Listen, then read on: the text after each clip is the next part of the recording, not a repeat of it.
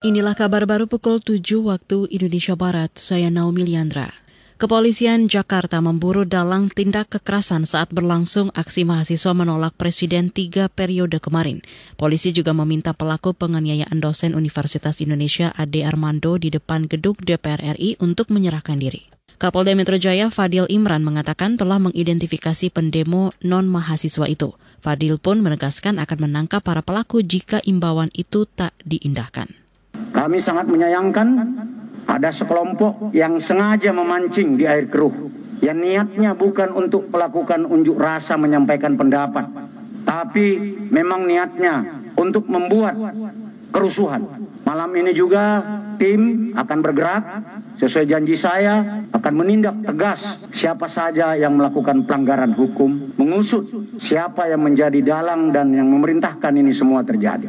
Mudah-mudahan kelompok pelaku ini bisa segera kita ungkap. Kapolda Metro Jaya Fadil Imran menambahkan kondisi Ade Armando yang merupakan aktivis pergerakan Indonesia untuk semua PIS sangat memprihatinkan saat dievakuasi petugas. Bahkan kata Fadil, enam anggota polisi yang bertugas mengevakuasi Ade Armando juga luka-luka. Kementerian Dalam Negeri tengah menyeleksi aparatur sipil negara ASN di tingkat eselon 1 dan 2 untuk ditunjuk sebagai penjabat sementara PJ Gubernur, Bupati, dan Wali Kota. Juru bicara Kemendagri Beni Irwan berharap penetapan PJ bisa dilakukan sebelum masa jabatan kepala daerah definitif habis.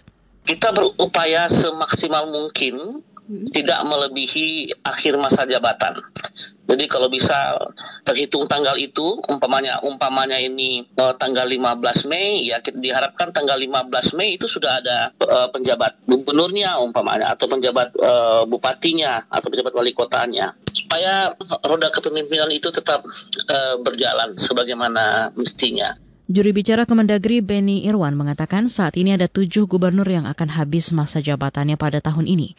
Dua di antaranya yang berakhir pada bulan depan adalah gubernur dan wakil gubernur Papua Barat, Banten, serta Bangka Belitung. Kita ke berita luar negeri. Pemimpin oposisi Shehbaz Sharif terpilih sebagai Perdana Menteri Pakistan pada Senin waktu setempat.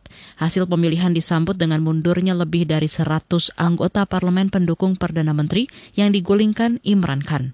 Syarif yang pro-barat terpilih menyusul krisis konstitusi selama seminggu yang mencapai puncaknya pada minggu ketika Imran kalah dalam mosi tidak percaya di parlemen.